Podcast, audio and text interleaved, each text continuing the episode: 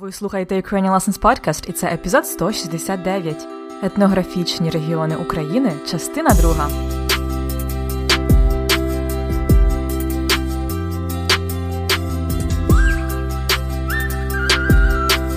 Привіт! Це Анна Огойко і подкаст Уроки української. Це подкаст для всіх, хто вивчає і любить українську мову. Сьогодні в нас епізод продовження попередньої теми про історичні або етнографічні регіони України. Це такі регіони, які мають особливу культуру, історію і часто навіть свій діалект. Етнографічні регіони України не збігаються з областями. Ви знаєте, області. Область це адміністративний регіон. Як е, я казала в попередньому епізоді, наприклад, Хмельницька область е, належить до кількох етнографічних регіонів це переважно Поділля і Волинь. Минулого разу я розповідала вам про західні регіони: це Закарпаття, Прикарпаття, Карпати, Буковина, Покуття, Галичина і Волинь, а також про північні регіони це Полісся, Чернігово-Сіверщина і центральні регіони Київщина та Поділля. А сьогодні завершимо цю тему південними та східними регіонами. То як, готові починати?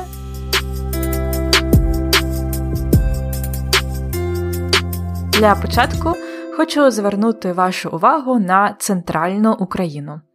Центральну Україну ще називають Наддніпрянська Україна або одним великим словом Наддніпрянщина. Тобто це території над Дніпром, найбільшою річкою України. Наддніпрянщина це досить широке поняття, тобто до Наддніпрянщини належать інші регіони. Ну, спочатку варто згадати регіон Середня Наддніпрянщина, тобто це самий центр України. Це південна частина Київської, Чернігівської областей, а також Черкаська, Полтавська і Кіровоградська область. До речі, Кіровоградську область е, мають перейменувати на Кропивницьку область, тому що місто Кіровоград тепер називається Кропивницький. Так от, середня Надніпрянщина – це дуже важливий регіон в плані мови, тому що саме діалекти з цього регіону взяли за основу для української стандартної, тобто літературної мови. Більше про цю історію я розповідала у епізоді про діалекти української мови. Це четвертий сезон, епізод 144. Далі частиною середньої Надніпрянщини є регіон Полтавщина. Це лівобережна Україна, тобто території на схід від Дніпра, лівий берег. Переважно це Полтавська область і такі міста, як Полтава, Кременчук, Лубни, Пирятин це Полтавщина. Далі, на схід від Полтавщини розташований регіон Слобожанщина або Слобідська Україна. Це Харківська, Луганська, Донецька області, а також південь Сумської і схід Полтавської областей. Це переважно степи, степова територія. Колись її ще називали Дике поле, бо це була малонаселена територія, і тільки з 15 століття її почали заселяти українці та козаки. Вони утворювали такі поселення села, які називали Слобідки. Звідси і назва Слобожанщина. Слобідки, Слобожанщина. Також, якщо говорити про схід України, треба згадати про Донбас. Я думаю, ви чули про цей регіон в новинах. На жаль, е, це погані новини про окупацію Донбасу. Взагалі, слово Донбас почали використовувати тільки в 19 столітті. Це позначення промислової території, яку там почали розробляти. На Донбасі почали активно видобувати кам'яне вугілля, і тому туди почали переїжджати люди, і досить різні люди, різних національностей. Український письменник Сергій Жадан ось так написав про Донбас. Послухайте. Донбас це такий казан, в який звозилися, селялися надзвичайно різні люди з різних регіонів, з різними ідеями, бажаннями, темпераментами і характерами. Відповідно, це така дійсно гримуча суміш. Тобто так, Донбас це історичний та економічний регіон України. Він утворився під час промислової революції у 19 столітті, але це не зовсім етнографічний регіон. Донбас охоплює більшість Донецької і Луганської областей, і також цей регіон ще називають Донеччина або Донщина від е, назви річки Сіверський Донець. А тепер перейдемо до регіонів, які утворюють південь України. Це дуже цікава частина України, тому що історично її території бували в різних державах. Це і Стародавня Греція, і Османська імперія, і Російська імперія. Тому, крім українців, Тут е, жили і живуть люди різних національностей. Почнімо, мабуть, із Запоріжжя або Запорожжя. Це місця, розташовані за порогами Дніпра, нижче острова Хортиця. Можливо, ви чули про цей регіон з історії України, бо саме на Запоріжжі були активними українські козаки. А про козаків у нас теж є епізод в четвертому сезоні подкасту. Це епізод 131 на тему Козаки, ким вони були. Власне, на Запоріжжі сформувалася велика козацька держава Запорізька Січ. Більше про це слухайте в епізоді 131. Також регіон Запоріжжя разом з містами Дніпро, Кривий Ріг, Кропивницький ще називають Придніпров'я. Як бачите, є різні регіони, і вони навіть часто перетинаються. А ми рухаємося далі на південь. Ми маємо там два моря Чорне море і Азовське море. Звідси й назва регіонів Причорномор'я і Приазов'я. Почнімо з Приазов'я. Це регіон над Азовським морем. І такі міста, як Мелітополь, Бердянськ, Маріуполь і Генічеськ. У середньовіччі Приазов'я належало до держави Кримське ханство. Ми пізніше поговоримо більше про це. А зараз регіон Приазов'я популярний для літнього відпочинку на морі. І на північному узбережжі Чорного моря маємо північне Причорномор'я це Миколаївська і Херсонська області. Так само, як і на Приазов'ї, більшість території Причорномор'я це степ. А ще тут чудово ростуть кавуни та дині. Якщо ви були в Україні в серпні, то ви, мабуть, куштували наші величезні кавуни з Херсонщини. Частина Причорномор'я також належить до регіону Бессарабія. Це регіон, який переважно охоплює землі Молдови, а також частину Чернівецької та Одеської областей. До речі, саме місто Одеса дуже особливе. Якщо ви там бували, то ви знаєте, про що я. Це і одеський гумор, і архітектура, і їжа, і особливо мова. Тому Одесу інколи навіть виділяють в окремий регіон. А останній етнографічний регіон, який ми сьогодні розглянемо, це Крим. Бо про Крим ми не забудемо, правда? Так от, Крим це півострів, тобто територія, яка оточена морем, але також пов'язана з материком. Неповний острів такий півострів. Досить особлива частина Криму це південь Криму або Південне узбережжя Криму. Цій території притаманний середземноморський клімат і гірський рельєф. Міста на півдні Криму мають античну історію. Вони належали до давньогрецьких колоній: це Сімферополь, Севастополь, Керч, Євпаторія, Феодосія. Крим має особливу історію, яка, на жаль, триває досі. Е, з давніх часів Крим населяли кримські татари і в часи Радянського Союзу їх примусово виселяли. Тобто кримські татари змушені були покинути свій рідний край.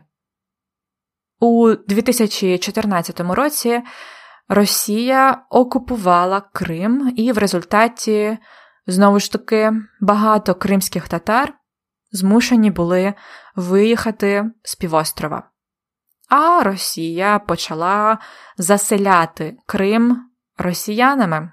Наразі країни світу не визнають Крим російським. І ми розуміємо, що ця ситуація дуже непроста. Але одного дня, сподіваємось, справедливість буде відновлена. І щодо України, і щодо кримських татар. А в мене все. До речі, якщо ви бували в Україні або маєте тут родичів чи друзів, у яких регіонах України вони живуть, маю на увазі не в областях, а саме в історичних етнографічних регіонах. Подумайте про це. А карта регіонів для вашої зручності буде на сторінці епізоду ukrainianlessons.com риска епізод 169. 10 корисних речень. А зараз традиційно розглянемо 10 речень з моєї розповіді детальніше.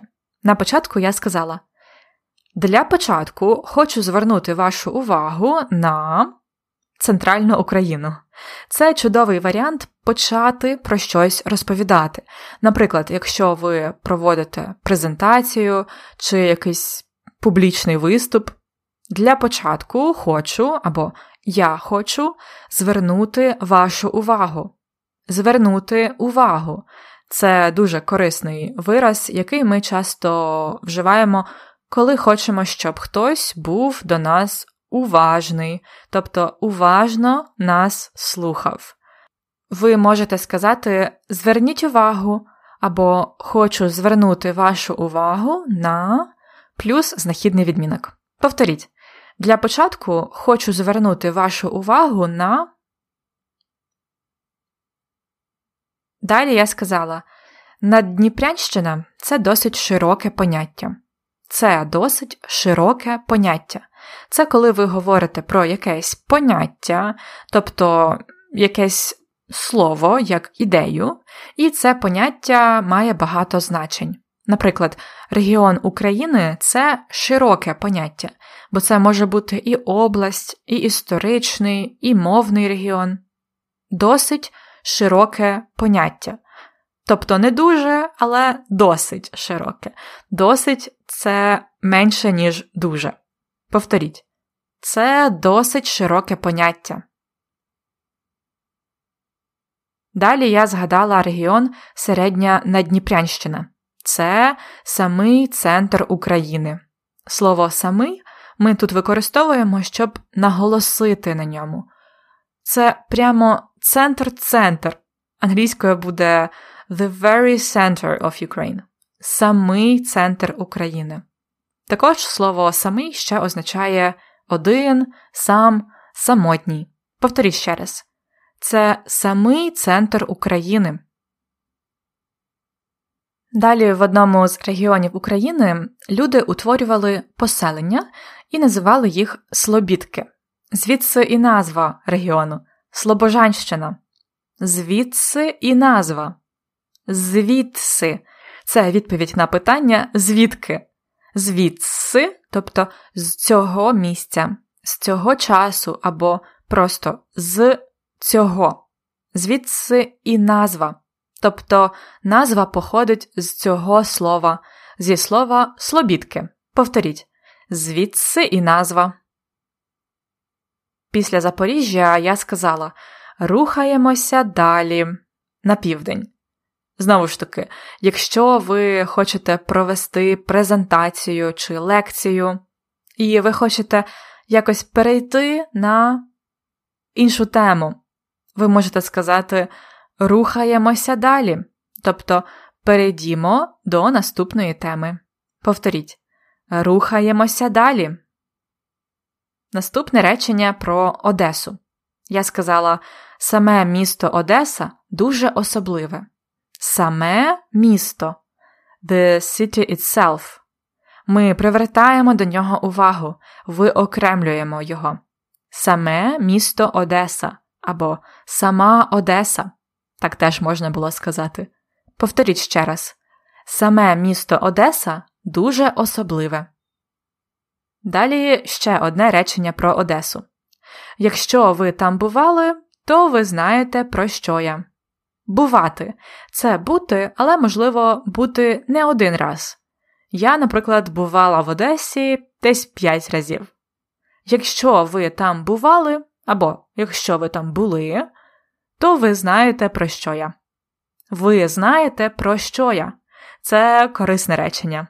Тобто, ви знаєте, що я маю на увазі. You know what I mean. Але це набагато коротше. Ви знаєте, про що я. Ви знаєте, про що я. Повторіть повне речення. Якщо ви там бували, то ви знаєте, про що я. Речення номер 8 коротеньке. Крим це півострів. Півострів це територія, яка оточена морем, але також пов'язана з материком. Які ще є півострови? Ну, наприклад, Італія розташована на Апенінському півострові. Півострів. Повторіть. Крим це півострів. Наступне речення про кримських татар у часи Радянського Союзу. Кримські татари змушені були покинути свій рідний край. Кримські татари змушені були або були змушені. Це пасивний стан, тобто їх змусили, зробили так, що вони мусили переїхати. Вони були змушені покинути свій рідний край.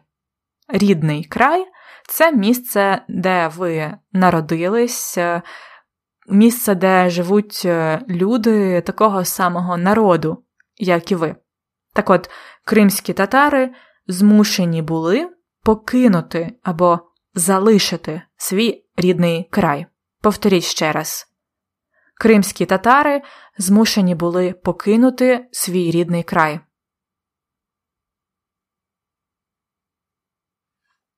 І останнє речення оптимістичне: справедливість буде відновлено. Це знову ж таки пасивний стан. Справедливість від слова справедливий. Навіть не знаю, як пояснити це слово українською, англійською це justice, справедливість. Справедливість буде відновлено.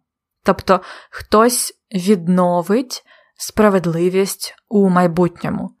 Відновити від слова новий, повернути щось назад до нового, відновити. Ми сподіваємось, що справедливість буде відновлено. Повторіть ще раз: справедливість буде відновлено. І на сьогодні все. На сам кінець хочу звернути вашу увагу на наші конспекти уроків, у яких ви знайдете повний текст епізоду, переклад складних слів на англійську мову, а також 10 корисних речень і вправи для практики. Більше про преміум підписку на конспекти та Карту регіонів України ви знайдете на сторінці епізоду за посиланням ukrainianlessons.com риска епізод 169 ukrainianlessons.com slash episode 169 Бажаю вам всього найкращого. Почуємось за тиждень. На все добре!